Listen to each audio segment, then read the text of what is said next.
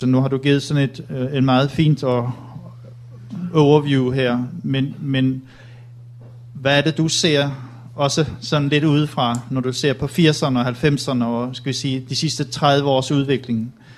Er det sådan, at, at det er lykkedes at sådan nærmest parallelt at arbejde med de samme dagsordenspunkter og, og nærme sig hinanden på forskellige centrale teologiske spørgsmål?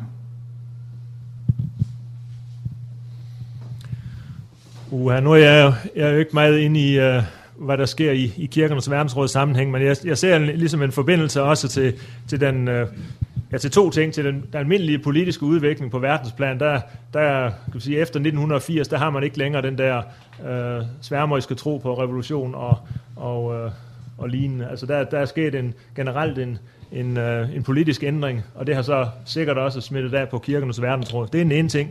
Den anden ting, det er, at, at øh, kirkens verdensråd kan naturligvis ikke være, øh, være blind for den øh, enorme øh, fremgang, som kirkerne har haft i det globale syd, øh, og, og den, den øh, overvejende sådan evangelikale teologi, som, som råder der. Så, så i begge tilfælde har man vel ligesom øh, øh indrettet sig lidt efter, efter virkeligheden. Øh, men jeg, jeg kender ikke øh, så meget til de interne forhold i desværre der.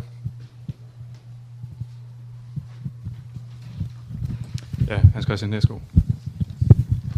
De procentuelle tal, du gav øh, for 1900, 1970 og 2010, den vestlige verden, er det Europa og Amerika samlet? Okay.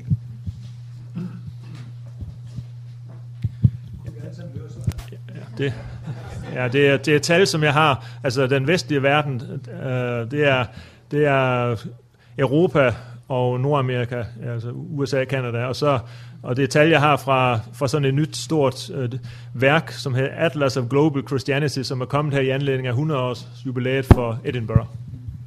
Der er utrolig mange oplysninger. Henrik Erdner. Ja, øh, nu nævnte du ganske kort det her med, at kirkens verdensråd ikke repræsenterer alle kristne osv. Øh, og øh, man kan så sige, at øh, Lausanne har haft en tendens i retning af i hvert fald at kun repræsentere sådan det, man kan kalde den evangelikale kristenhed.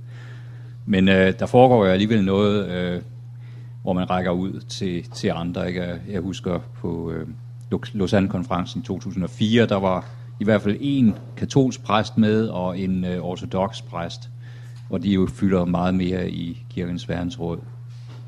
Øhm, men en af de helt stærke øh, episoder, jeg kan huske netop fra, fra 2004, var, da, da der var snakket om forsoning, hvor man havde en meget stærkt øh, symbolsk øh, repræsentation af, hvad det betød, hvor en, øh, en øh, kvindelig soldat fra Frelsens Hær vaskede fødderne på en øh, ortodox præst, iført det fulde øh, ortodoxe præsteskrud der. Det synes jeg lige vil omtale, ikke?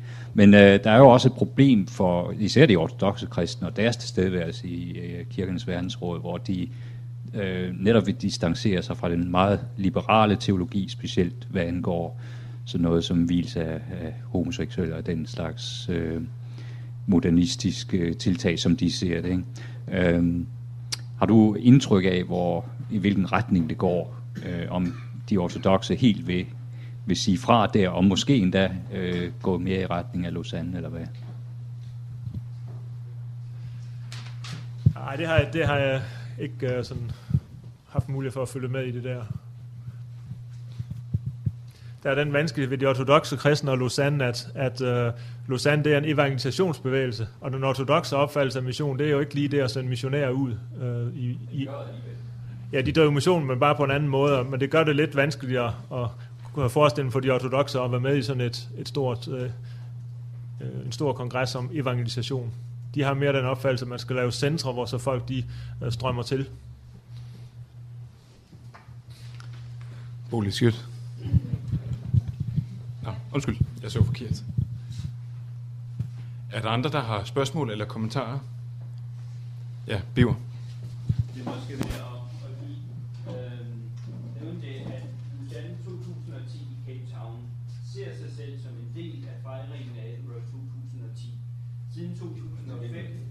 Hvad siger du? 1910. Nej, øh, to, 2010 fejringen af Edinburgh. Siden 2005 har Lausanne været med i arbejdsgruppen omkring Edinburgh, sammen med ortodoxe katolikker, øh, øh, Kirkens Verdensråd og, og Pentecostalet, øh, for på den måde at udtrykke også øh, det større fællesskab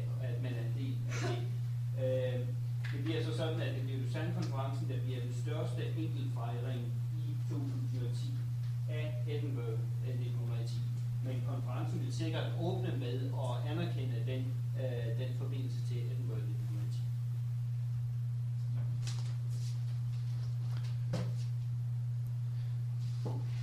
Hvis der ikke er andre spørgsmål eller kommentarer, så tror jeg, at vi vil tage en pause på to og et halvt minut, hvor vi rejser os op fra vores pladser og får luftet lidt ud